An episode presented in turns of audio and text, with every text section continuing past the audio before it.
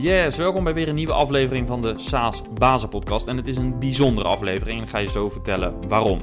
Maar eerst, mijn naam is Johan de Wit, ik ben de host van deze podcast en de oprichter van Noordhaven.io. En we maken deze podcast om SaaS-bazen te inspireren, SaaS-bazen te helpen om een betere, mooie SaaS-business te bouwen. En ben je zelf ook een SaaS-baas? Ga dan naar community.saasbazen.nl want dat is een besloten community voor founders van SaaS-bedrijven of mensen met een C-level rol binnen een SaaS-business.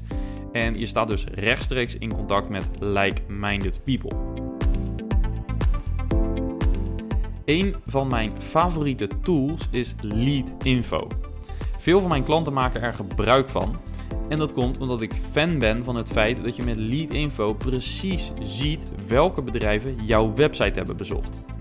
Want in tools zoals Google Analytics zie je allerlei handige statistieken over bezoekgedrag. Maar je ziet niet welke bedrijven op jouw website zitten. En dat terwijl dat voor marketing en ook vooral voor sales erg interessant is. Bovendien zie je ook welke pagina's er door die bedrijven bekeken worden. Kortom, waardevolle informatie voor sales. Wil je er meer over weten? Ga naar leadinfo.com/saasbazen. Ja, en vandaag dus een bijzondere aflevering. Om meerdere redenen bijzonder. Ik ga in gesprek met Dries de Gelder. Hij runt zelf geen SaaS-business, maar een community voor e-commerce ondernemers. En zelf heeft hij ook een podcast, het e-commerce café. Ik heb Dries in de afgelopen maanden diverse keren mogen spreken. En ik heb bewondering voor de manier waarop hij zijn persoonlijke ondernemersverhaal deelt.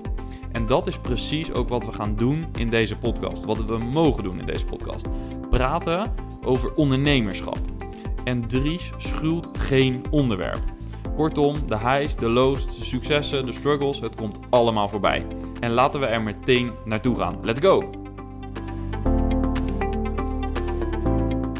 Dries, van harte welkom in de SaaS Basis Podcast. Leuk man, leuk, leuk, leuk, leuk. Je bent een uh, podcast host, onder andere. Je bent veel meer dan dat, maar je bent ook een podcast host. Dus uh, ik voel natuurlijk een beetje de spanning om of ik dit wel goed doe allemaal. Maar goed, ik heb inmiddels ook uh, zo'n 60 interviews in de benen. Dus ik denk dat het met in dit gezelschap wel goed moet gaan, toch? sta ik er net iets voor, denk ik. denk ik richting 80 of 90. Ja, ik je loopt voor. de tel kwijt. Ja, ik kijk elke dag even, maar je loopt nog steeds voor. En de podcast die ik met jou op heb genomen, die staat in de top 10 van de best beluisterde e-commerce café podcast. Oh echt? Oh, wat tof. Ja. Oh, cool. Nou, Volgens mij zelfs top 5, maar dat weet ik niet meer zeker. Oké, okay, nou, dat is een goede binnenkomer. Misschien moeten we nog maar een keer extra pushen om die top 3 binnen te komen dan. Zeker, uh, zeker. Ja, Lijkt wel leuk. Ja, tof. Nou, uh, ja, dus nogmaals welkom. Uh, leuk dat je hier aanschuift. normaal gesproken interview ik SaaS-bazen. Nou, je bent wel een baas, maar niet zozeer met SaaS. Je, jouw activiteiten concentreren zich meer rondom e-commerce natuurlijk. En, uh, dat, uh, en toch hebben we besloten om deze podcast te gaan doen. Uh, met name omdat ik het ten eerste leuk vind om ook wat andere uitstapjes te maken. vrij recent heb ik nog wat SaaS-bazen slash bazen geïnterviewd... die wat meer in de platformeconomie zitten. En dat zullen we ook blijven doen. Dus hier en daar een uitstapje. maar natuurlijk ook omdat jij vanuit e-commerce... wellicht andere en interessante inzichten hebt voor ondernemers. Voor SaaS-bazen die luisteren. En misschien wel de belangrijkste, uh, gewoon hebben over ondernemerschap. Want uiteindelijk SaaS-baas of uh, e-commerce baas of wat dan ook. Uh, je bent ondernemer en er komt heel veel op je af. En nou ja, afgelopen jaar natuurlijk in het bijzonder. Ook in e-commerce, maar ook in SaaS. Zeker, ja. Dus het lijkt me leuk om vandaag gewoon een open gesprek te hebben. We hebben naast ons een iPad staan waarop jouw biografie vrij gedetailleerd staat. Die heb ik rustig doorgenomen. En uh, nou, er staan echt zoveel aanknopingspunten in uh, waarvan ik denk van hey, dat is leuk, daar kunnen we uh, het over hebben. Want dat kan een andere SaaS-baas wellicht gebruiken om nou ja, ook op een bepaalde manier beslissingen te nemen of, of wat dan ook. Dus als jij het goed vindt, dan gaan we... Als je die eerste overslaat, dan is het goed, want dan weet iedereen gelijk mijn leeftijd. Dat, nou, over die eerste gesproken. ik noem jou altijd Dries, maar ik zie hier Andries. Ja, ja, wat is de formele naam? Andri nou, Andries, een roepnaam is Dries. Oké. Okay, ik ging ooit bij een Opel dealer werken bij een oud-collega van mijn vader. Mijn vader heet ook Andries, ook roepnaam Dries. En die zei van, ja, hoe noemen we je eigenlijk als je hier komt werken? En uh, toen was ik 18 of 19. En vanaf toen was het in één nou noem me maar Dries. Dus dan ben ik net zo van waarde autoverkoper. En uh, Ja, oké. Nou, dat is, uh, dan houden we het gewoon ook op uh, Dries. Maar het viel mij in ieder geval op. ik ga dus niet verklappen wanneer je geboren bent. Je bent geboren in Maasluis, dat wel. dus redelijk in de buurt van mag waar wel, we dit, dit opnemen. Nee, ik, ik spaar je. um, nou, ik denk niet dat we bij het, de hele schoolcarrière heel gedetailleerd moeten kijken. Maar de rode draad die ik lees is dat je het niet zo heel erg naar je zin had op school. Klopt dat? Nou ja, ik de, heel erg naar mijn zin op school. en ik was eigenlijk ook heel, best wel goed op school. Uh, alleen zodra de school afgelopen was, dan uh, ja, gebeurde er niks meer.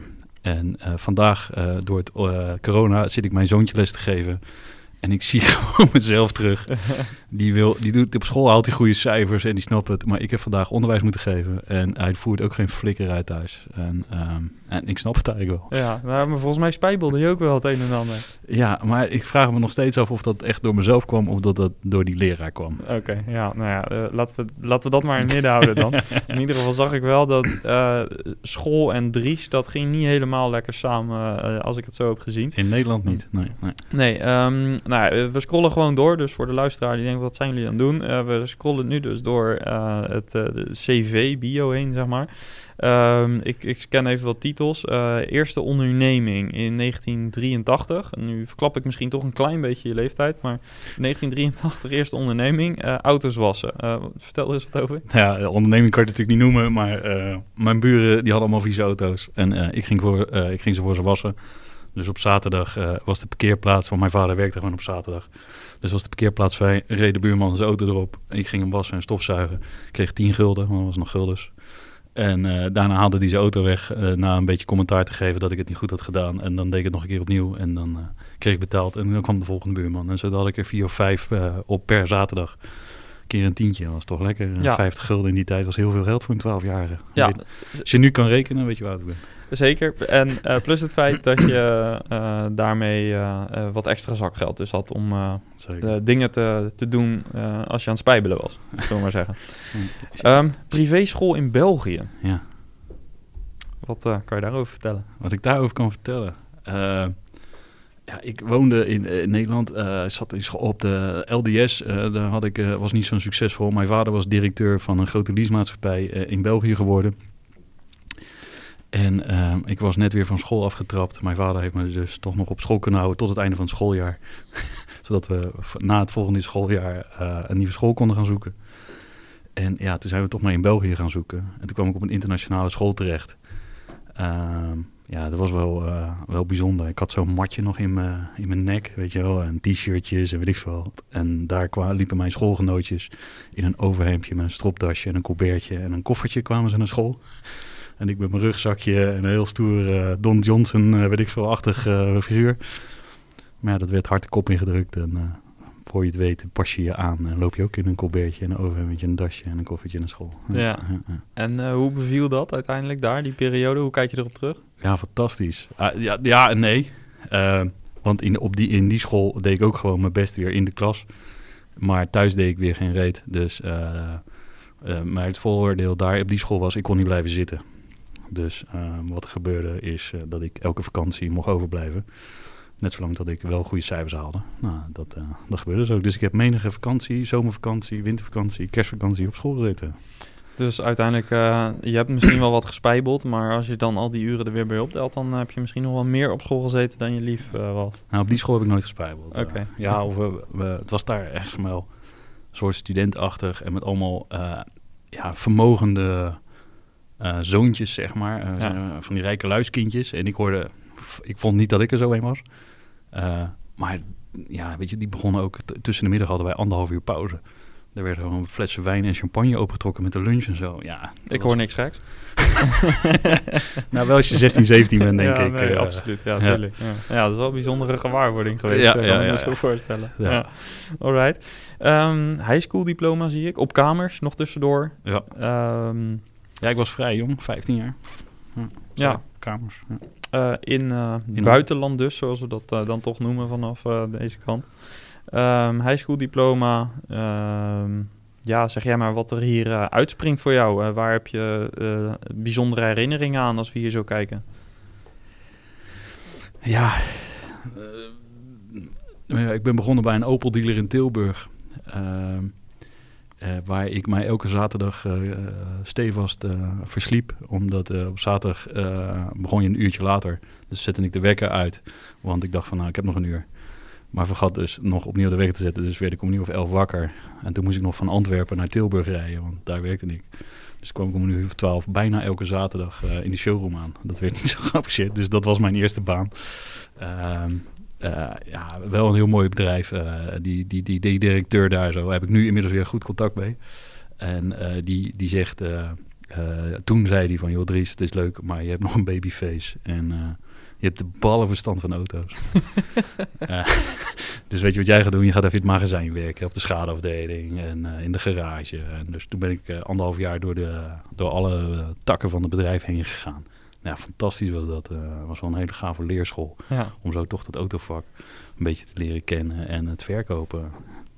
Dat zat er eigenlijk al wel in. Tof. En eh, volgens mij eh, toen militaire dienst op een gegeven moment. Ja. Eh, je had twee keer uitstel gekregen, maar uiteindelijk eh, moest het toch maar eens gaan, gaan gebeuren. Ehm, eh, hoe lang heeft het geduurd en eh, hoe kijk je erop terug? Ja, ik was eh, de één na laatste lichting. Eh, in 1993 kwam ik in dienst. En eh, eh, toen was ik eh, net een week in dienst. En toen zat ik in zo'n opleidingszaaltje. En toen zei hij, als je hier echt niet had willen zitten, had je hier niet gezeten. Ik zeg, nou, mag ik dan alsnog weg? nou, dat is me niet in dank afgenomen. Daardoor hebben ze me natuurlijk extra hard aangepakt door die opmerking. En maar ja, dat kon ik wel hebben. Wat heb je geleerd in die tijd?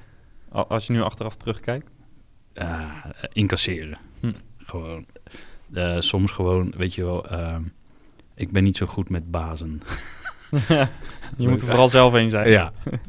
en, ehm, ehm, en wat ik vooral heb geleerd is dat je gewoon, ja, weet je wel, laat het maar over je heen komen. En laat die, eh, ma- die mannetjes, die auto- aut- autoritaire mannetjes maar p- gillen.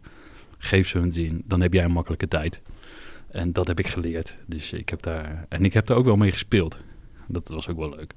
Dat ik echt wel, weet je, er stond zo'n mannetje van 17 en ik was 23, had eigenlijk al een succesvolle baan en weet ik veel wat, ik verdiende al aardig wat geld.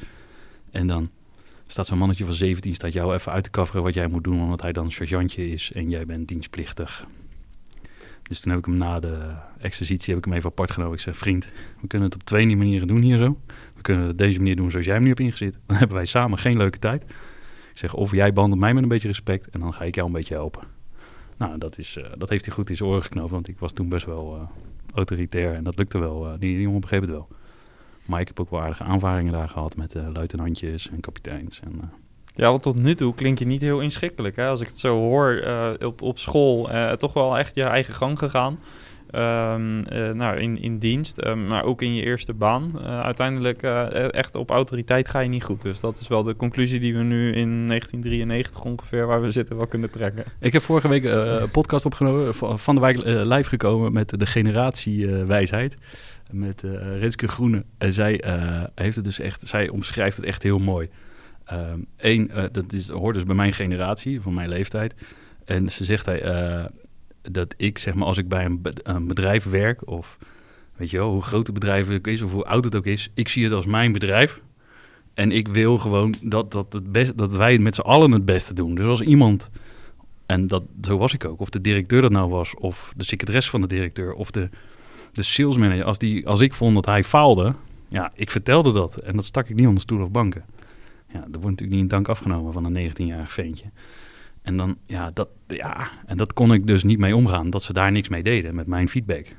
En dat, dat nou ja, daarom heb ik zo, misschien ook zo'n hekel aan autoriteit. En als, ik, als ik het woord moeten hoort, hoor, ja, ik weet niet, maar dan, Maar je praat nog in de tegenwoordige tijd. Hè? Dus eh, daarom, eh, waarom ik zo'n hekel aan autoriteit heb, is dat ook nog steeds het geval? Nou ja, ik heb eh, twee jaar geleden nog bij een, weer bij een werkgever gewerkt. Of drie jaar geleden inmiddels, twee jaar. Weet je wel, en dan- daar moest ik ineens weer gaan klokken. Uit het niets, weet je wel. Van, joh Dries, wij merken dat jij niet klokt. Ja, maar... ja, ik ga ook niet klokken. Ja, nou, ga het toch maar doen, weet je wel. Ja, En wat is het, eh, waar zit de, de weerstand eh, in dat geval? Geen idee. Gewoon laat, geef mij die, dat stukje vrijheid wat ik nodig heb om, om, om, om een ding te doen, om te groeien, om, om te ondernemen. Laat mij ondernemen voor een ondernemer, dan gaat het wel goed. Eh, dus daarom moet ik ook eigenlijk zelf ondernemen. Hm, Ja, en dus doe je dat nu ook. Doe ik dat nu ook. Juist. En ik heb het regelmatig gedaan ook. Hm. Ja, ja nou daar gaan we eh, denk ik eh, zo weer een beetje naartoe. Want je bent teruggekomen na je dienst bij Opel, heb ik gelezen. Ehm, en even later ben je naar Australië gegaan. Ehm, dat was een, ja, ik zeg korte reis. Maar zes weken is alsnog natuurlijk een periode. Ehm, was dat eh, de bekende backpack-reis of eh, had dat Nou andere? ja, ik was eigenlijk te oud voor eh, die backpackreis eh, toen destijds. Eh, want je was tot 25 jaar, eh, mocht je, dan kreeg je dan een, eh, kon een jaarvergunning krijgen met werkvergunning of zo. Verblijfs met werkvergunning voor een jaar lang. En ik was in die periode al 28 of zo. Dus ik kreeg die werkvergunning niet. Dus ik ben maar zes weken geweest. En toen ehm, later heb ik, hebben ze dat verlengd naar 35 jaar. Dus toen kon ik, nee. Dus toen had ik een bedrijf, daar heb ik stopgezet om ooit die wereldreis nog te gaan doen. Of dat jaar naar te gaan backpacken in Australië. Is achteraf niet van gekomen, maar Dat, eh, had de bedoeling geweest. juist. Maar die zes weken pakken ze je niet meer af. Zeker niet. Je eerste bedrijf, daar is die, 1999. Wat deed je daar? Ja, ja, een leuk verhaal. Want ik eh, heb in de koffie gezeten bij een eh, grote firma, Deac. In, tegenwoordig zitten ze in Maasluis. Toen zaten ze in Zoetermeer en Pijnakker. En daar eh, was ik routeverkoper van koffie. En ehm, ik had het rayon eh, Zeeland, Zuid-Holland en een stukje Brabant. En eh, ja, echt het mooiste baantje wat ik ooit heb gehad. Gewoon heel de dag in de kroeg zitten, een beetje koffie geven, koffie uitdelen. eh, met serveersters kletsen. En, echt, echt fantastisch. En, maar ook daar was ik natuurlijk, wilde ik het beste voor het bedrijf. En ze deden daar zoveel dingen fout en weet ik veel wat. En op een gegeven moment maakten ze zelf zo'n grote fout... dat wij hadden echt een waanzinnig lekkere koffie, weet je wel. Daar, dat, was, dat maakte het verschil. Het bedrijf niet, maar de smaak van die koffie. En natuurlijk dat ik het verkocht aan die mensen. En dat maakt natuurlijk ook groot. Maar afijn, dus dat, dat was het verschil. En ze gingen over naar een andere koffiebrander. Daar was ik het op voorhand al niet mee eens. Dit staat zelfs in je bio, hè? Ja. Ja. De verontwaardiging druipt er vanaf. Nog steeds. Nog steeds. Ja. Dat is steeds. Ik, ik, erger, ik snap het echt niet. Hoe kan je zo'n domme, cruciale fout gemaakt hebben? En was zo'n goede koffie. En echt super kwaliteit. En, eh, en dat ze dan ook nog niet, eh bij wijze van spreken... eh, hoe kan je dan zo lomp zijn om je routevertegenwoordigers of je klanten... niet bij dat proces te betrekken om over te stappen naar een andere koffie... met het verhaal dat het misschien wel beter zou kunnen zijn. Nee, ze hadden het puur gedaan om prijs en weet ik veel wat. En ja, alle argumenten die je dus niet moet hebben om over te stappen naar een ander koffiemerk. Maar mag ik advocaat van de duivel spelen? Ehm, Mhm. Je bent nu eh, zelf ook, eh, je, ben- je bent weer ondernemer. Je hebt een aantal keren heb je bedrijven gehad. Ehm, ik, heb, ik, ik herken een deel van wat je zegt. Ik ga ook niet zo super goed op eh, autoriteit. Ik vind het ook fijn om autonomie te hebben. Ik weet niet of vrijheid het goede woord is, maar ik, autonomie vertegenwoordigt denk ik voor mij, of dat is denk ik de beste term voor mij. Ehm, toen ik nog in loondienst werkte, had ik ook regelmatig eh, momenten waarop ik dacht van ja, maar hoe kan je dit nu, hoe, hoe kom je erbij? Hoe verzin je dit? Ehm, later, eh, nu ik eh, dit een aantal jaren zelf mag doen en ik dus wat mensen ook, wat teamleden heb, ehm, betrap ik me er wel eens op dat ik ook beslissingen neem en soms bewust, of onbewust, maar soms ook bewust een bepaald besluit of een aanlooproute daartoe niet deel. Ehm, en dat kan soms ook echt eh, uit bescherming zijn van mensen. Dat kan soms zijn echt met de beste bedoelingen eh, van mijn kant. Ehm, soms is het ook gewoon ronduit dom om zoiets niet te doen. Maar er kunnen soms situaties zijn waarvan je zegt van... als ik dit ga delen, kan het onrust veroor- veroorzaken. Dus eh, heb ik liever dat ik het besluit nu neem... en ik ga later ga ik dat toelichten als, de tijd, als ik vind dat de tijd daarvoor rijp is. Ehm, lange introductie op mijn- vraag, maar kan het zijn dat ehm, terugkijkend op dat soort besluiten, dat er soms misschien eh, dat, je, dat je dat nu ook herkent, dat je denkt van ja, soms is het, ligt het wat genuanceerder dan ik het in dat moment vanuit mijn eigen perspectief kon zien. Ehm, ik begrijp je vraag niet helemaal. Nou, s- soms weet je niet wat je niet weet, zeg maar. Nu weet ik dat als ik een besluit neem eh, en ik deel niet alle beweegredenen met mijn teamleden, Ja? dan kunnen zij ook niet altijd goed oordelen of dat besluit wel of niet goed is. Dan moet daar een bepaald vertrouwen in zijn. En dat vertrouwen moet ik zien te, Eens, af te dwingen ja, ja. bij het team. Dat al neem ik een besluit, is in de basis neem ik me voor om dat goed toe te lichten en dat ze het ook begrijpen en als, dat ze er ook bij betrokken zijn, dat ze ook eh, een stem erin hebben. Ja. Maar soms zijn er gewoon situaties waarbij je dat, vind ik als ondernemer, echt zelf moet doen of met je managementteam. En dan, ja, hoe, hoe lullig het misschien naar het team ook klinkt, maar dan moeten zij daar wel uiteindelijk, moeten ze het accepteren. Snap ik, maar dan ga je al wel, dan is er al een ander. Kijk, nu hebben ze gezegd van we gaan over naar een andere koffiebrander. Dat was al gezegd, want deze koffie is zogenaamd zo duur. Ja, maar hij is zo duur omdat hij zo goed is. Weet je wel, dat, dat was mijn perspectief. En, Ja. En als ze dat dan zeggen, we gaan over naar een andere koffie vanwege de prijs. Ja. Maar wat nou was het, ik, ik, en ik pro- probeer advocaat van de duivel ja, te spelen, maar, maar wat nou als dat bedrijf het nodig had, eh, economisch, om te blijven draaien? Ja, maar dat was niet zo. Oké, Dus Oké. het, het draaide volop. Het was een volle toeren bezig. De klanten waren blij, wij waren blij, iedereen was blij. dus, dus je zegt Alleen er eigenlijk... kwam een nieuwe marketingmanager en die had het een nieuw logo gegeven en een nieuw dit. En die, eh, die vond dat, dat hij daar moest snijden, want die kwam met Douwe Egberts gedaan. Weet je wel, en bij Douwe Egberts kregen ze natuurlijk eh, zo'n veer in de reet als ze weer 100.000 euro bespaard hadden.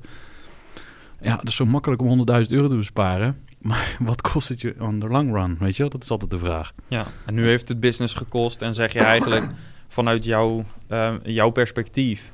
ehm, je praat veel met klanten, hè? je zit in die Ja, ik weet het niet of ze het, ze hebben het, het, het hebben ze zeker heel veel business gekost. Want ik ben weggegaan eh, en ik ben naar de koffiebrander gegaan die eh, het oude product brandde. En ik ben gaan vragen van, joh, kunnen jullie mij dat product leveren?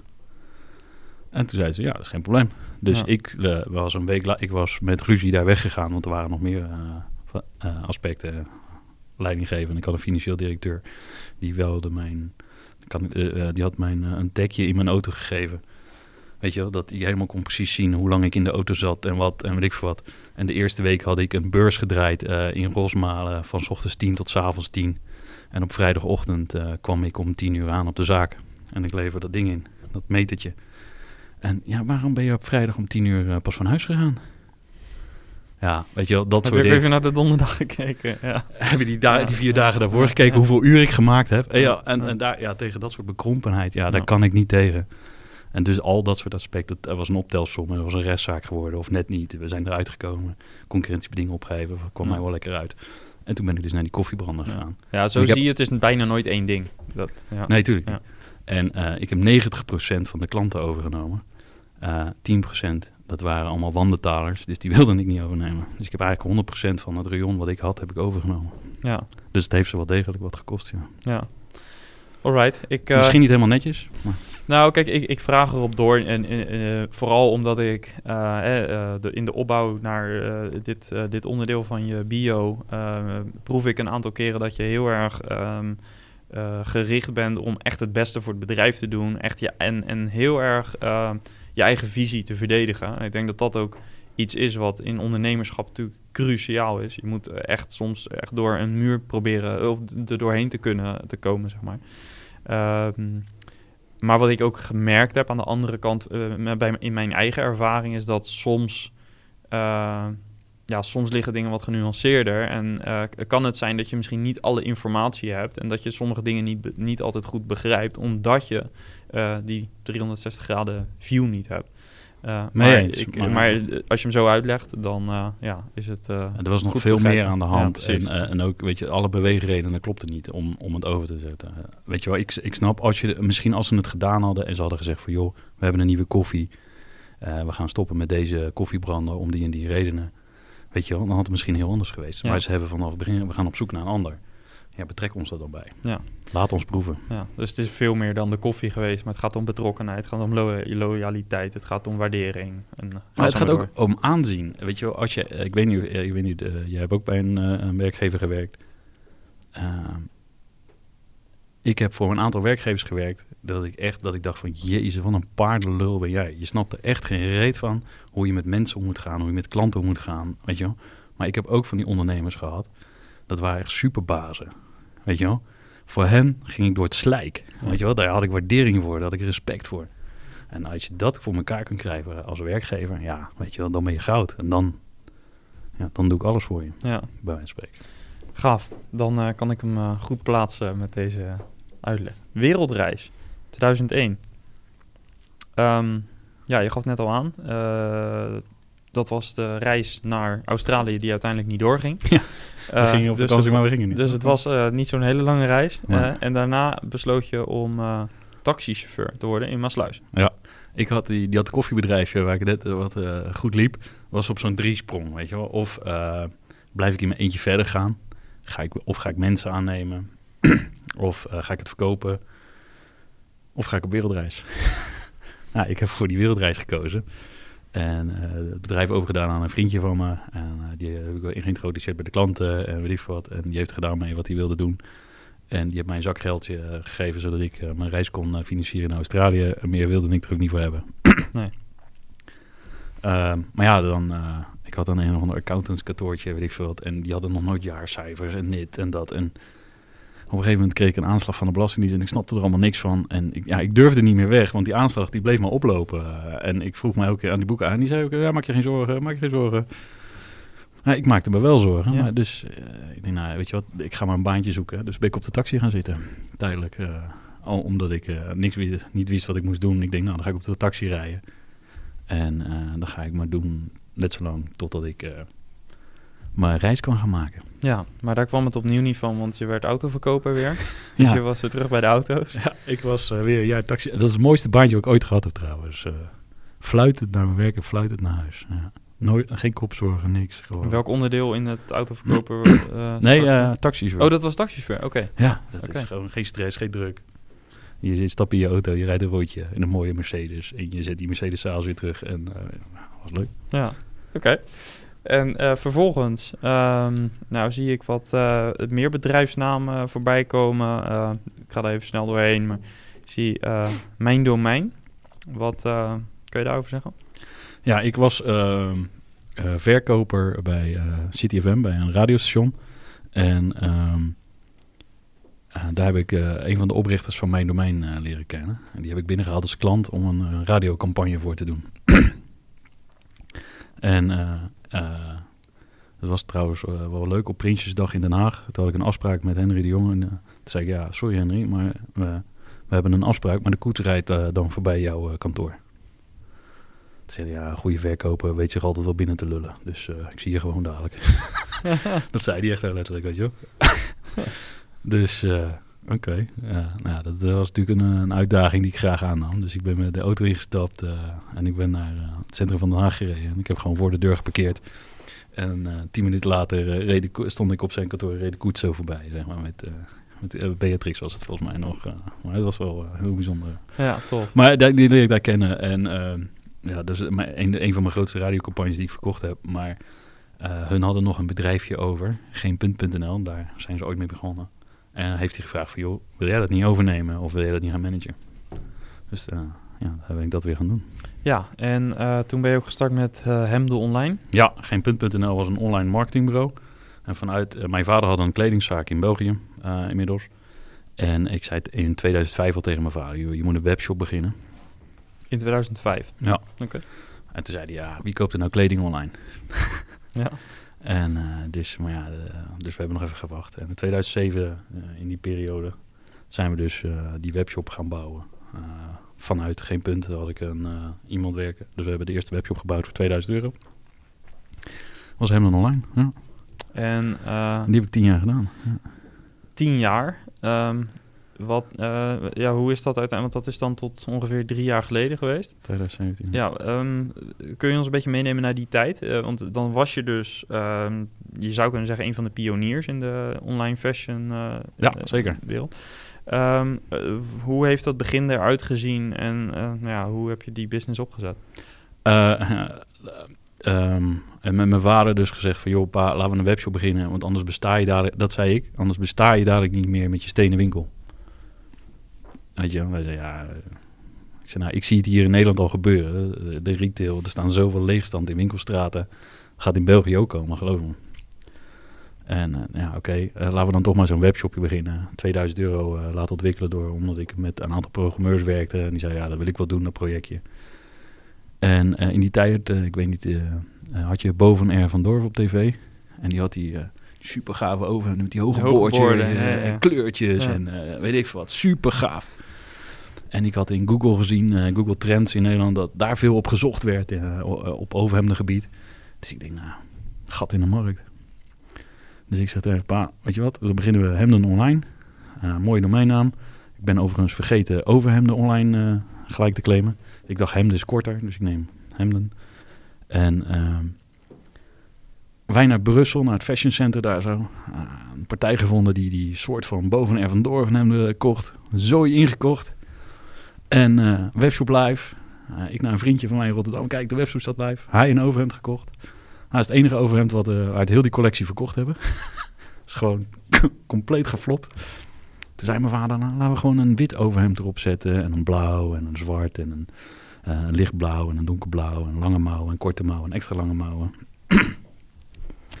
dus ik echt zo met zo'n bek tegen hem. "Ah Ja, kan je toch overal kopen? Hij zei ja. Dus nou ja, wij die dingen online gezet. Ja, toen kwamen de bestellingen binnen. dat is schot in de roos. Schat in de reus. Ja.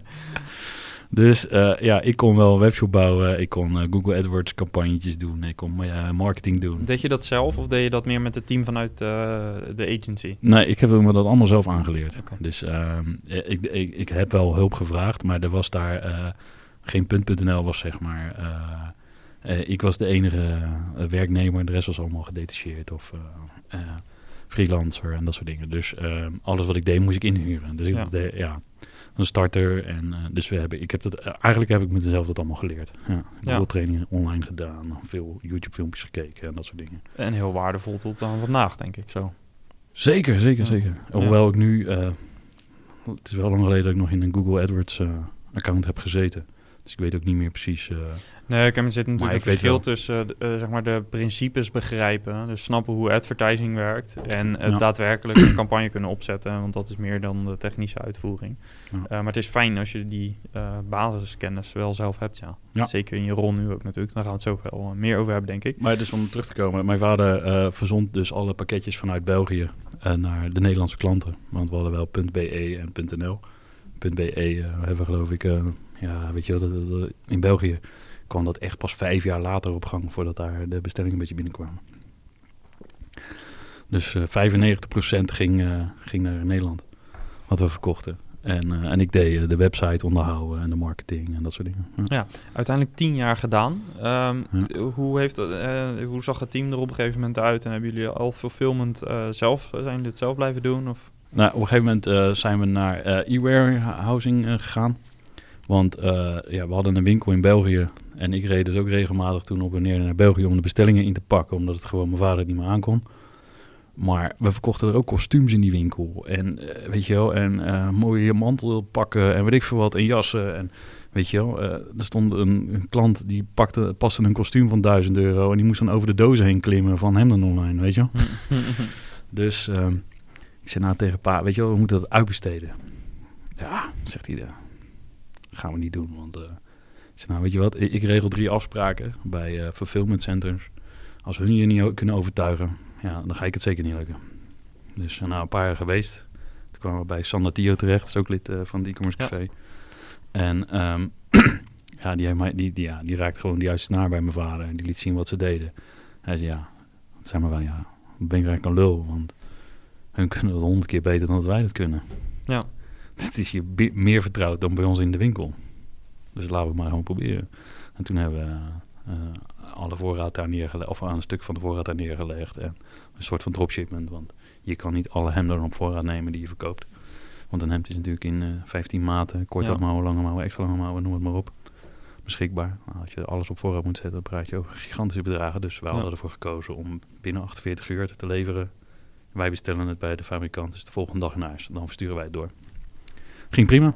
Ja, zeker in die tijd nog. Misschien dat het vandaag wat lastiger is met de eh, klantverwachtingen en de eisen en dat soort dingen. Ja. Maar in die tijd eh, eh, zal dat misschien wat makkelijker geweest zijn. Ehm, ja, en uiteindelijk werd je in die periode vader van Boris. Ja. En toen... Ik heb nog een nieuwtje voor je. Vertel. Ik word weer vader. Echt waar? maar dat is de derde dan. Dat wordt de derde. Ja. Gefeliciteerd. Ja. Beppie is eh, acht weken nu, eh, dus eh, We weten niet wat het wordt, maar... Oh, geweldig joh. Ja, oh, ja, nou, ja. Oké, nou je ziet, ik ben even van slag. Oké, dat is een hele mooie primeur. Dit, Ja, deze, dit heb ik nog nooit gehad in een podcast. Dus, dat is een uniek moment. Oh, Ja. wat gaaf zeg. Ja, Heel ja. tof. Ja. Ja, dat is de derde, want uiteindelijk, ehm, even uit mijn hoofd, 2019 hè? Eh, Is Max ja, geboren, ja, ja. dus eh, Boris 2012. Ja, 13? klopt. Ja. Ehm, en uiteindelijk, eh, dus... Jezus, heb ik echt zoveel gezet op mijn bio? Hm. Ja, ik heb het niet zelf verzonnen. Ehm, nou, je bent uiteindelijk in eh, 2016 met een idee gaan spelen rondom waar je nu mee bezig bent, denk ik. Hè? Dat is 2016 volgens mij. Eh, Ja. De podcast-idee, een e-commerce eh, café.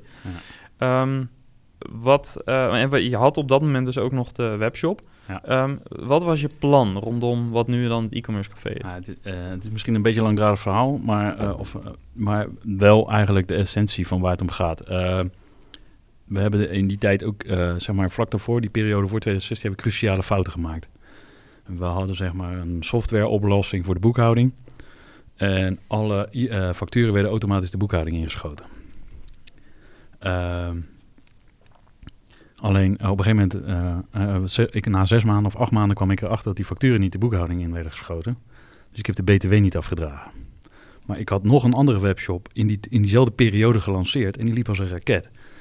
Dus ik heb, weet je wel, ik dacht dat die omzet, of weet je, die, die afdracht, dat dat wel klopte, weet je wel, met die nieuwe omzet. Ik ben geen boekhouder, ik ben daar niet mee bezig. Ik ben bezig met gas geven en knallen en groeien. Dus ik heb dat helemaal uit de hand eh, laten lopen. En je boekhouder heeft dus ook niet gesignaleerd of je accountant? Nou ja, het was, eh, eh, het was toen een zo'n Yuki, ik weet niet of je dat kent. Ja, natuurlijk. Yuki, ja. boekhouder. Dus die kijken, die, die signaleren Nee, misschien niks. Dus dat is je eigen boekhouding. En daarna lever je cijfers in bij een accountant en die regelt het verder. Dus ik kreeg ook... Wij hadden het zelf moeten signaleren. Dat is natuurlijk niet gebeurd. Dus ik eh, in mijn mooiste pak, want dat had ik toevallig aan... eh, naar de Belastingdienst van... joh, sorry, eh, ik had aangekondigd dat ik kwam. En gezegd van, joh, dit is een foutje. Ik wil kijken of we tot een oplossing kunnen komen. Nou, die vent die heeft me helemaal door het slijk gehaald. Ik kwam daar binnen. Hij wist precies te vertellen hoe, waar, waar, waar mijn vader zijn pensioen allemaal stond. Hij wist precies te vertellen hoeveel geld er op Boris' spaarrekeningetje stond. En hij ging me helemaal door het slijk halen. En hij gaf me ongeveer drie weken om dat hele bedrag op te hoesten. En ja, dat was, dat was gewoon onhaalbaar. En eh, dus toen hebben eh, zijn we gaan lenen bij iemand. Want, eh, om dat toch te betalen, weet je, dat we dat... En ja, en toen hebben we allemaal verkeerde beslissingen. Dan ging het echt zo'n sneeuwbaleffect van met verkeerde beslissingen, weet je wel. Dan krijg je strijd met je vader, weet je wel. Ik wilde, had een plan geschreven om er bovenop te komen... zodat we zo snel mogelijk die lening kunnen teruggeven. Maar daar had ik dan die lening voor gebruikt. We hadden inmiddels een deal gesloten met de Belastingdienst... dat we iets van 5000 euro per maand zouden aflossen. maar dat, dat, dat ging niet helemaal zoals. Of dat ging wel goed, maar mijn vader had besloten om dat leningbedrag... om zeg maar dat, eh, de Belastingdienst mee af te tikken. Dus er was geen geld meer over voor marketing. Ja, dus was het geld, zeg maar... De marketingmachine die stond stil op hem dan online. Nou, je weet wat er met een webshop... als je niet online adverteert, dan gebeurt er niks. Gelukkig hadden we de winkel nog. En er kwam toen, in die periode kwam er een tweede winkel op ons pad. En daar, eh, we hadden inmiddels zat, we, zat ik in Den Haag met een kantoortje en opslag. We hadden alles, we gingen met stagiaires en ik zelf ging inpakken. En mijn vader zat regelmatig in Den Haag en mijn zusje stond in de winkel in België. Dus we konden mooi alles eh, verdelen. Dus we hadden e-warehousing niet meer nodig, we deden dat zelf. en eh, ja, toen kregen we een tweede winkel. En toen zeiden we van, weet je wat, dan gaan we in België in die tweede winkel... Eh, daar hebben we een mooi magazijntje. Daar kan je, kunnen we mooi de voorraad neerleggen. Inpakken, inpaktafel neerzetten. Weet ik veel wat. Boven kantoor kan je dit doen, dat doen. Twee man personeel in de winkel. En dan ga jij, weet je, kan je bijspringen wanneer het is. En kan je van daaruit helemaal online runnen. Nou, goed idee. Kunnen we het kantoor wegsnijden in kosten. Eh, kan die nieuwe winkel kan mijn salaris dragen, weet je. Nou, zo gezegd, zo gedaan. Nou, toen kwam er een, zeg maar... eh, een van de jongens die daar werkte, die kreeg een baan aangeboden bij Hugo Bos. Die was weg. Die werd niet vervangen, zeg maar. Uh, dus ik zat alweer meer in de winkel dan dat ik boven zat voor hem online te werken. Wat ik daar deed was toch wel een beetje de vraag, want we hadden geen geld voor marketing. Hm. dus dat was heel erg lastig. En toen ging die derde ook nog weg, of die tweede weg. En toen zeiden van, ja, weet je wat, dan uh, mijn vader van, ja, weet je wat, blijf jij nou in die winkel? En, uh, ja, en toen werd ik met de dag ongelukkiger. Ik zat in die winkel vast. Ik kon geen kant op. Kon niet met, ja, weet je wel, ik kon niet naar boven. Als ik even een broodje ging halen, dan stond er alweer een klant voor de deur. Ik was dood en dood ongelukkig. Ik zat vast en eh, elke dag anderhalf uur heen, anderhalf uur terug in de auto. En eh, ik zat echt tranen met tuiten, weet je wel. Ik kon Boris, als ik thuis kwam, dan lag Boris al op bed. En eh, ja, ik heb echt zitten janken in de auto. En, dus dat was een hele zware periode. In die periode luisterde ik wel heel veel naar podcast. En dus naar e-commerce fuel luisterde ik altijd. En ja, eigenlijk heb ik gewoon zijn verhaal, zijn gesprek, inspireerde mij zo. Nou, is het e-commerce café geworden uiteindelijk. Waar we nu zijn. Ja. Ja, zo, maar dan heb je wel echt eh, ja, de eh, ondernemersverhaal echt omgezet in, of zeg maar deze ervaring echt iets omgezet in iets heel erg krachtig. Ja, eigenlijk in die, door de, die podcast te luisteren. Ja, begon het altijd te boren. Dus ja, dat Ja. lijkt me gaaf die Maar, maar juist ook, ik bedoel, in die fase, want ik kan me voorstellen, als, er- als je zoveel, eh, even plat gezegd, als je zoveel shit eh, op je bord krijgt, dan, eh, en dan in zo'n fase Maar toen wist ik nog niet dat ik het ging dit- doen, hè? Nee, oké, maar je moet wel het, de, de, zeg maar, al de, de vrijheid in je hoofd hebben om dat idee op te doen. Ja. En dat heb je dus kennelijk wel kunnen doen, ondanks die periode. ja, of was het gras groener bij een ander? Dat ik, wat hij deed vond ik zo gaaf. Dat wilde ik ook, weet je wel. En ehm, ja, dit werd nog een hele zware periode. Want in diezelfde periode ehm, ja, ben en ik ook gewoon december eh, 2017, 2016, 2016 eh, tegen mijn vader gezegd van ja, weet je wel, ik, ik trek het niet meer. Ik ga kapot hier. Ik, ik ben zo ongelukkig. Ik zit met tra En mijn vader wist het al. Alleen we durfden er allebei niet over te praten, weet je wel. Want ja, het ging niet echt goed. Weet je wel. Ehm, omdat hem online draaide gereed. eh, dus daar, kwam, daar kon ik geen inkomen uithalen. Eh, uit de winkel wel. Maar weet je wel, omdat ik daar doodongelukkig was. Ja, dat voelden de klanten ook. Dus de omzet ging er daar ook een beetje terug. En eh, ja, en ik, ik, ik, ik, moest weg. Ik zat vast. Ik zat opgesloten. Het, voelde als een gevangenis. Weet je wel? Ja. En dan, als ik dan een keertje vroeg naar huis kom om Boris een keertje naar bed te brengen, dan stond de file. Hm. Weet je? Als ik dan eens een keertje, dat mijn zusje in de winkel stond van, joh, ga je lekker naar huis? Om vijf uur, weet je, dan stond ik eh, bij de grens vast. Dan was er wat gebeurd over grenscontrole. En dan stond ik, was ik nog later thuis dan een normale dag. Altijd. Ja. Dat, het is geen uitzondering geweest dat het wel zo was, zeg maar.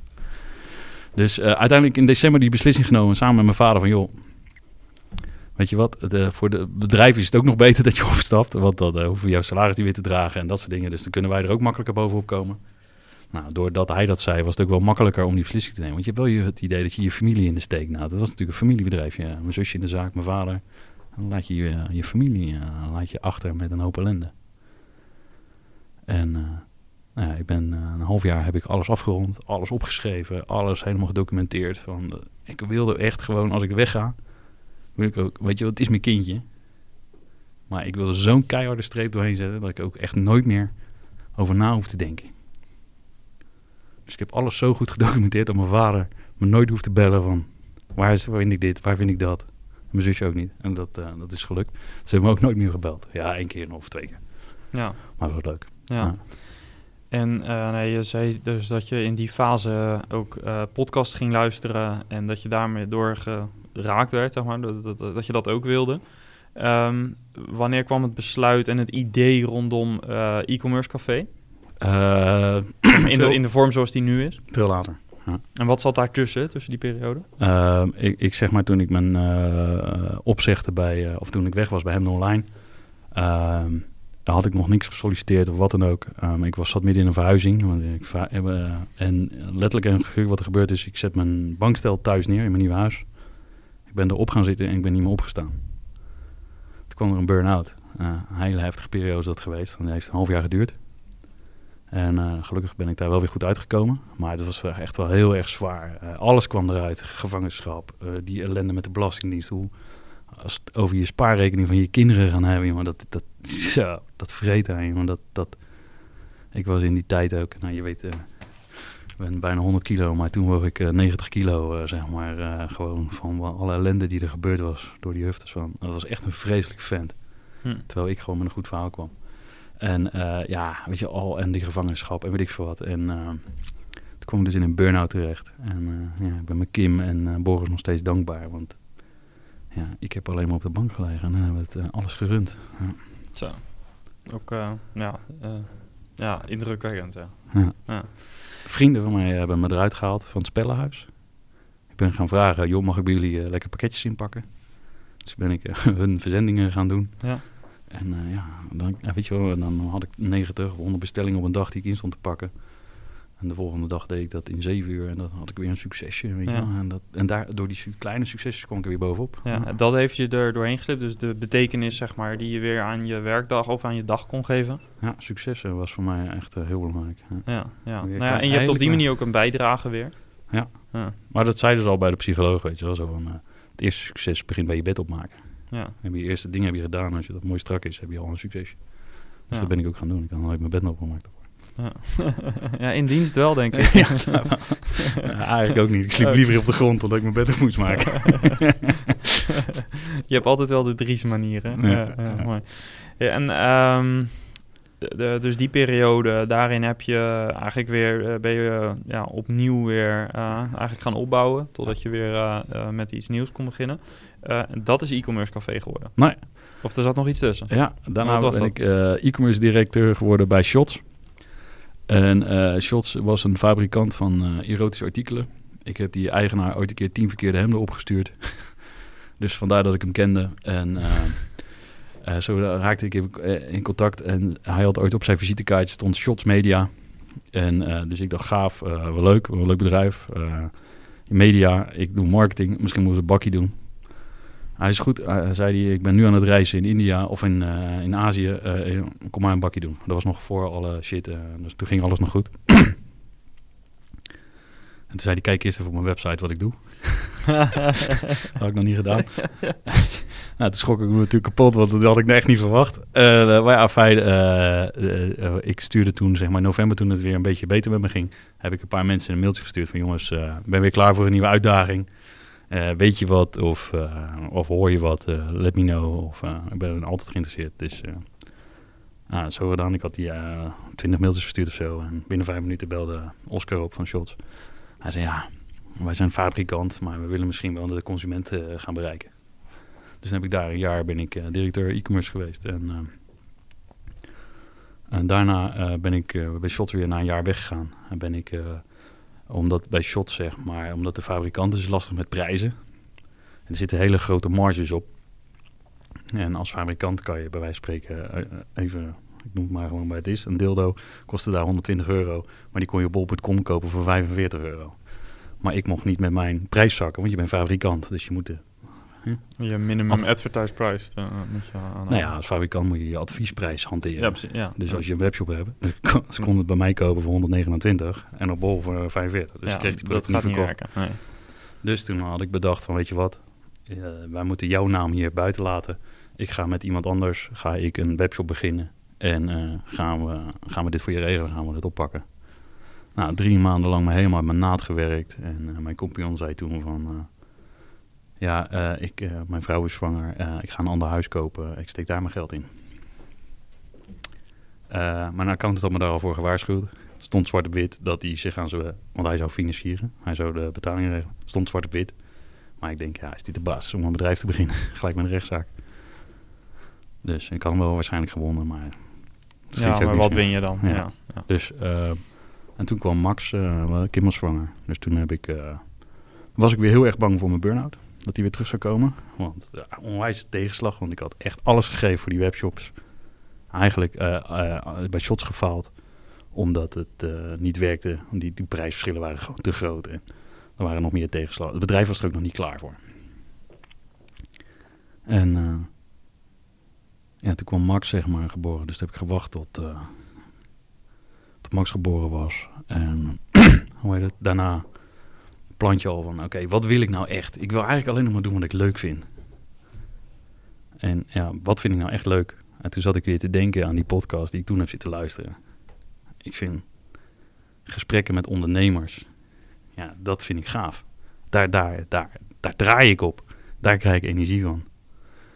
Dus toen dacht ik, oké, dan ga ik een podcast maken met, eh, met ondernemers. En het liefst met webshop-eigenaren, want dat is dus waar ik verstand van heb.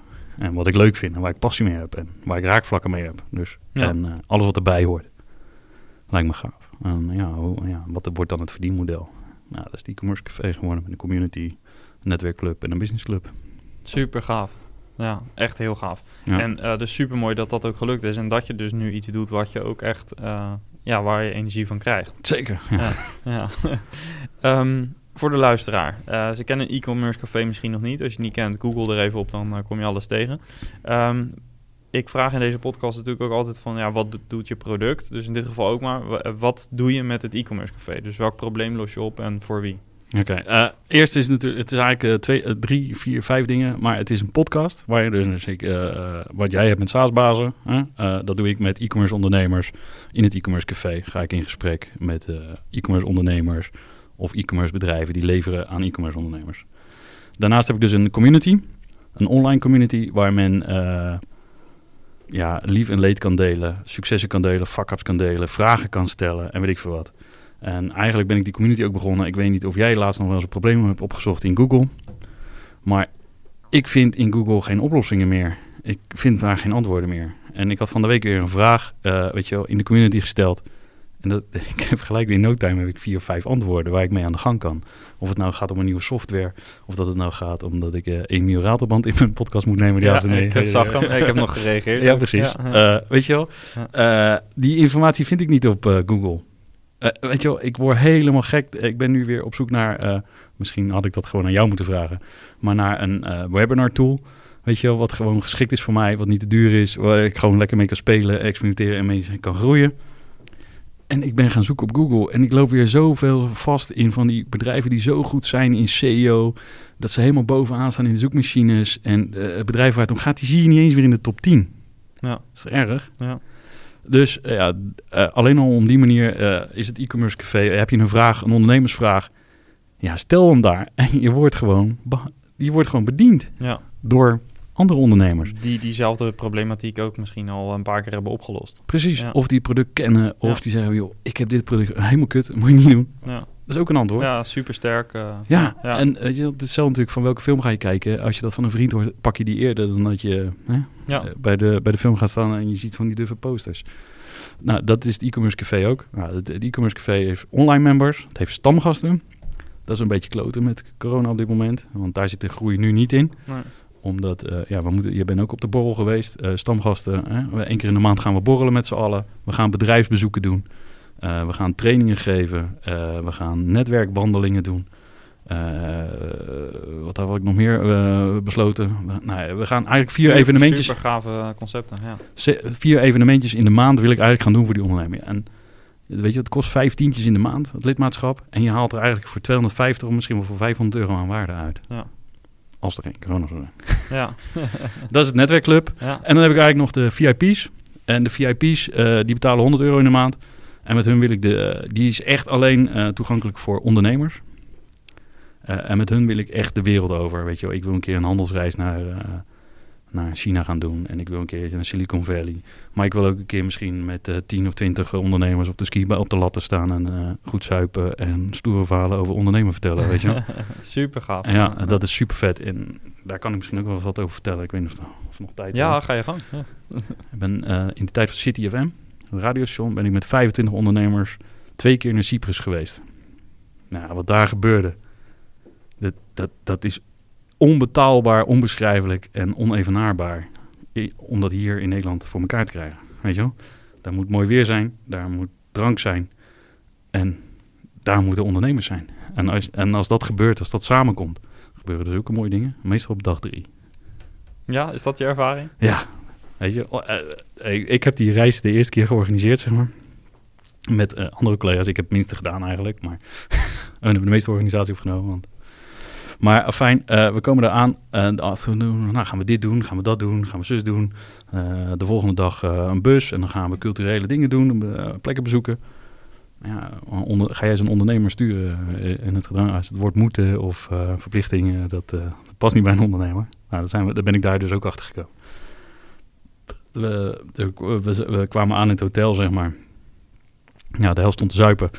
En de andere helft lag op zijn kamer. En eh, nou, eh, ik heb nog iedereen ge-sms'd eh, van... joh, we gaan eten. nou, daar zijn ze dus dan. Maar de een kwam een kwartier later. Dan, nu half uur, ja, ja. De een kwam helemaal. En, En, Ik zie het echt helemaal voor me. Ja. en de eerste avond ligt de helft in het bordeel. En de andere helft staat te, dansen in de disco. En de andere ligt op zijn bed nog te werken. Weet je, die heb je ook nog. Ja. En eh, ja, dat soort dingen gebeuren. En dan eh, de volgende dag eh, heb je dus een, een bus klaarstaan met een, een lunch ergens op, het- op het eiland van Cyprus georganiseerd. En er zit maar vijf man in de bus in plaats van 25. Fantastisch. ja, ja, ja. en eh, ja, dat zijn ondernemers. Ja. En, eh, maar ja, zeg maar dag drie, als iedereen een beetje kater heeft en een beetje hangover heeft. Ja, dan gebeuren er zulke mooie dingen. Dan, ik heb nu net mijn verhaal verdeeld over mijn burn-out en zo. Maar dat is nog maar peanuts. Waarbij die hele grote ondernemers is gebeurd. En ik ben juist op zoek naar ondernemersverhalen. Weet je, je hebt tegenwoordig zoveel, eh, vind ik best jammer. Maar weet je wel, met alle respect naar jou toe. Maar jij bent een ondernemer met ja, eigenlijk weinig tegenslagen. Tenminste, ik heb Ja, ze dat nooit weet je ge- niet. Nee, ik heb ze nooit eh, uit je gekregen. Maar echt, die, weet je wel, als je dat dan hoort met een drankje... of dan Ja. zit je smiddags eh, weer aan het eerste biertje... en dan komen die verhalen, dan zijn ze nog nuchter... en dan komt dat eruit. En dan zie je die emotie en die... Ja, dat, dat ze eerst ja, één of twee keer bijna failliet zijn gegaan... of failliet zijn gegaan. Of weet ik veel waar, wat, wat, door wat voor... Ja, ja, ik shit snap- ze zijn gegaan. Ja, tuurlijk. Ja. Om dan pas... Ja. Bam. Heb van de week hier zo... eh, of tenminste hier zo, bij mij eh, in de podcast dan... eh, die gozer van Go Lemon gehad. Ja. Die is. Die heeft, Ja, ik heb het gezien. Ja, ik zag het op LinkedIn. hij heeft zijn verhaal bij mij gedeeld. Ja. Ja, fantastisch, weet je. Dat hij dat durft Ook gewoon. heel sterk hoe die het verwoordde op LinkedIn. Ik, eh, ik stond met kippenvel te lezen. Ja, ik ook. Zo, je zal die reactie hebben. Ja, ik heb hem gelijk of, benaderd van... joh, wil je bij mij in de podcast je verhaal komen doen? hij heeft gelijk ja gezegd. En is gisteren opgenomen, eergisteren opgenomen. Ja, bijzonder verhaal. Ja. Nee, maar, Maar- 100% eens. Dit zijn wel de verhalen ook waar je... eh, zeker als iemand bereid is en de, de grootsheid heeft om daarover te delen. eh, ja, dat, eh, dat is fantastisch. ja, zeker. En heel knap. Ja. Maar in Amerika bijvoorbeeld, daar lopen ze natuurlijk een paar jaar voor op hier. Ja, weet je, als je niet failliet bent geweest, tel je niet eens mee. Ja. Zeggen ze. En ik geloof er ook wel een beetje in. Ja. Als ik al die ondernemers, die, de succesvolle die daar waren... En die zijn allemaal één of twee keer door, door een megadal gegaan. Ja, nou en het sluit ook wel aan bij natuurlijk. eh, je, eh, het werkt natuurlijk ook zo dat op het moment dat je. ehm, eh, hoe groter je wordt, zeg maar, hè, in je organisatie, hoe groter ook de issues worden. En het groot hoeft niet per se in medewerkers of in omzet te zijn, maar kan ook in een bepaalde impact of doelgroep bereik wat je hebt. Hoe, hoe groter het wordt, hoe meer je op je afkrijgt. En eh, ja, eh, de grote namen die je noemt, eh, die hebben vaak zoveel eh, druk al meegemaakt of ja, eh, ellende gehad. Eh, als ze bereid zijn om daarover te vertellen, ja, dan ben ik ook wat het een eh, luisterend oor. Ja. Ja, ja, ja, ja. voor mij werkt dat echt super inspirerend. Ja. En vooral ook dat je weet dat je eerst door het slijk moet. Wil je iets, iets, iets keer zo nobel kunnen zijn om succesvol te zijn. Ja, ja nou, dat, is ook eh, natuurlijk de, de maakbaarheid die eh, soms lijkt. Hè. Eh, uiteindelijk wordt ook over de SaaS-wereld wordt regelmatig tegen mij gezegd... oh ja, oh, oh, Sa- oh die softwarewereld. Oh, dat zijn al die jongens die een app maken en dan miljonair zijn. Nou, zoveel ken ik hier niet. Ik ken heel veel SaaS-bazen, maar ze hebben echt... nou, ik durf wel te zeggen, 99% ervan die heeft meer gewerkt, harder gewerkt, meer tegenslag gehad dan, eh, dan die verhalen die je dan inderdaad in de media ziet. Eh, een enkel keer. Het is altijd gewoon hard werken en eh, vaak op je bek gaan. Dat, daar komt het altijd op neer. Nou ja, je hebt mijn cv doorgenomen. Ik ben een aantal keer goed op mijn bek gegaan. Eh, ja. Ja. Maar goed, je staat nu aan de... ehm, nou ja, veel meer dan aan het begin. Want je zit eh, tegen de 100 podcast aan volgens mij. eh, en eh, je gaat met de community ga je hard. Ik mag er zelf ook af en toe wat in posten. Ehm, als we een beetje vooruit gaan kijken. wat, wat, gaan, wat kunnen we de komende jaren van je verwachten? Ja, ik wil eerst gewoon... Ik heb heel veel moeite met focus. Eh, maar ik heb me voorgenomen bij dit bedrijf echt mijn focus te houden.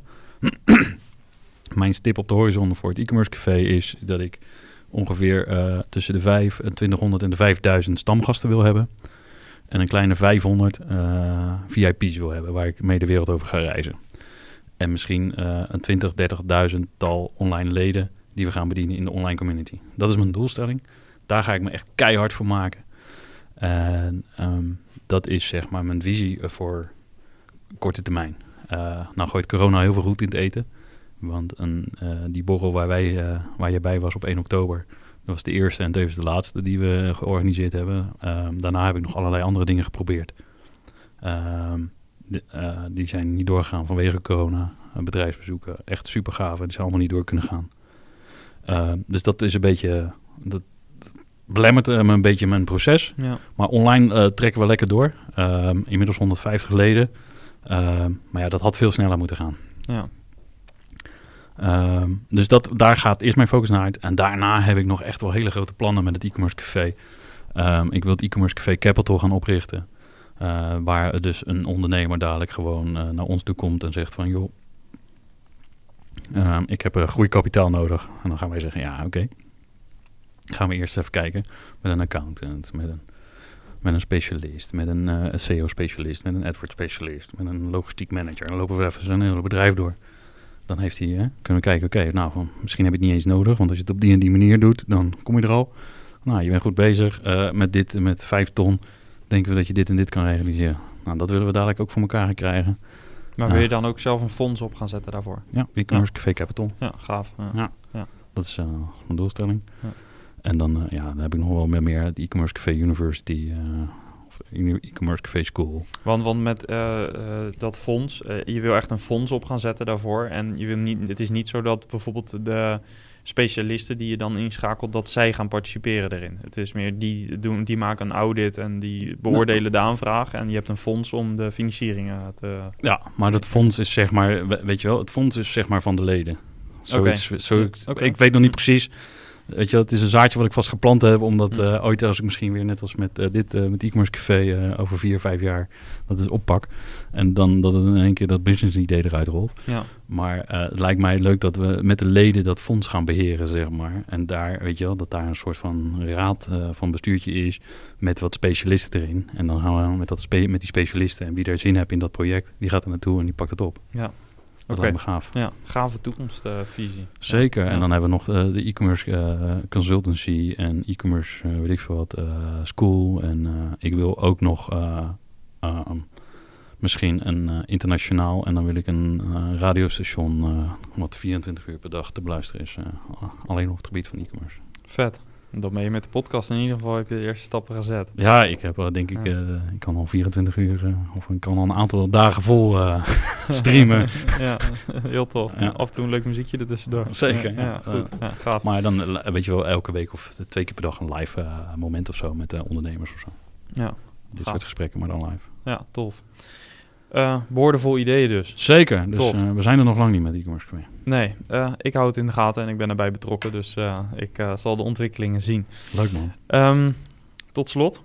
ehm, zou je een tip kunnen delen die ehm, voor SaaS-bazen misschien interessant kan zijn? Of waarvan je zegt van nou dat is eigenlijk universeel gewoon een tip voor een ondernemer?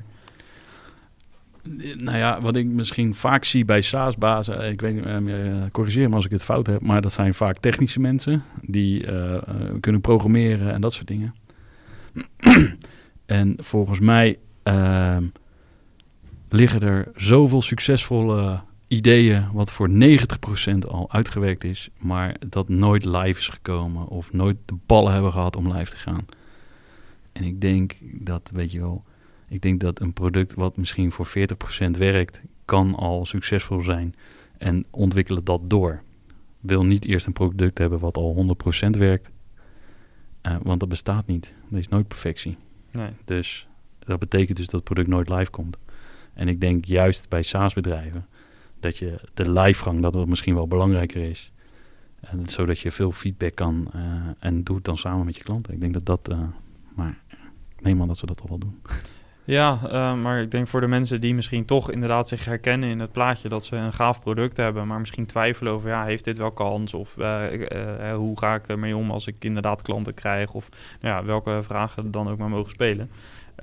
Ja, kan dit misschien inderdaad wel het setje zijn. En ik denk dat het heel belangrijk is inderdaad om snel te shippen. Zet het live, verzamel feedback en eh, desnoods doe je dat eerst in een eh, kleine gebruikersgroep. Hè? Dus dat je het niet eh, publiek doet, maar eerst met een aantal eerste gebruikers als je niet comfortabel genoeg voelt. Maar hoe eerder je feedback kan verzamelen, hoe beter. Precies. Ik heb een vriendje bijvoorbeeld, die, die, is al, die hoor ik al zeven jaar over een idee.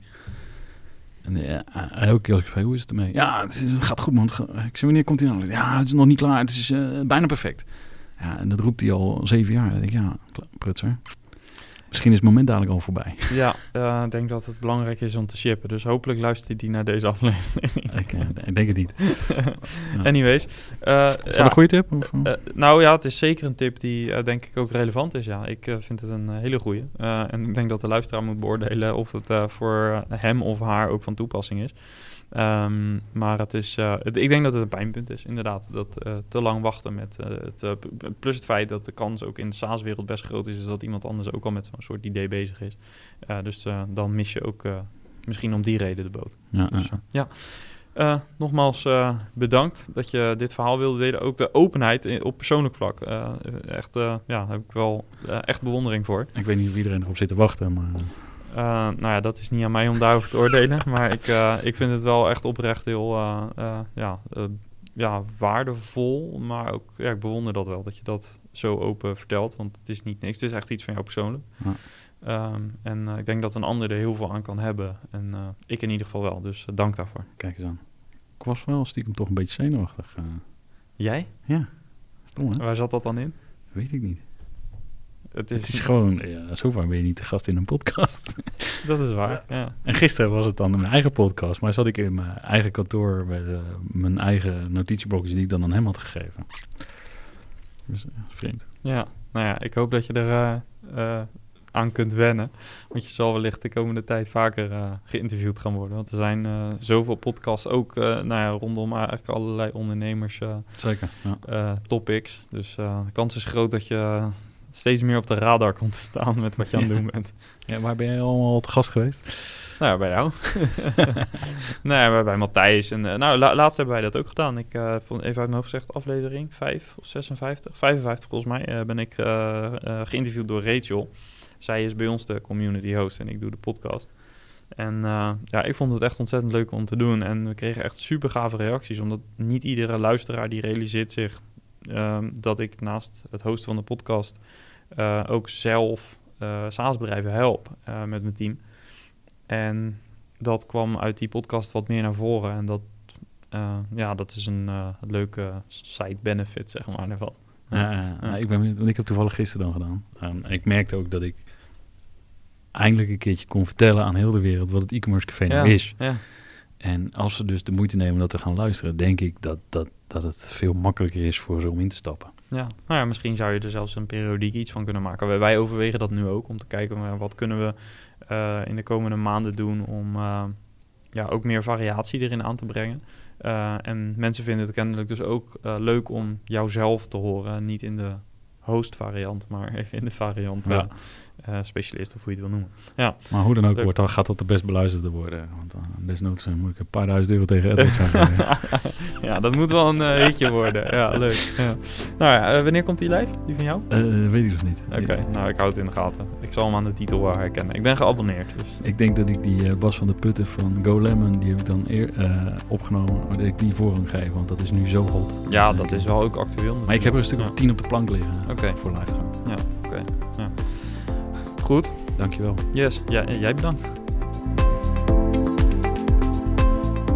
Yes, en dat was weer een heel tof, uniek gesprek.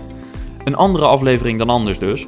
En persoonlijk vind ik dit soort gesprekken geweldig. Ondernemers die hun lessen willen en vooral ook durven te delen. Dat vind ik echt heel erg tof. Dus nogmaals, ook vanaf deze plek, Dries, ontzettend bedankt. Wil je ook met ondernemers praten? Meld je dan aan voor de SaaS Bazen Community via community.saasbazen.nl.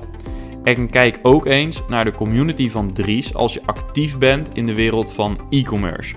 Zijn podcast en zijn community heten dus het e-commerce café. Als je even googelt, kom je er wel bij uit. Voor nu weer ontzettend bedankt voor het luisteren. Tot volgende week. Ciao, ciao.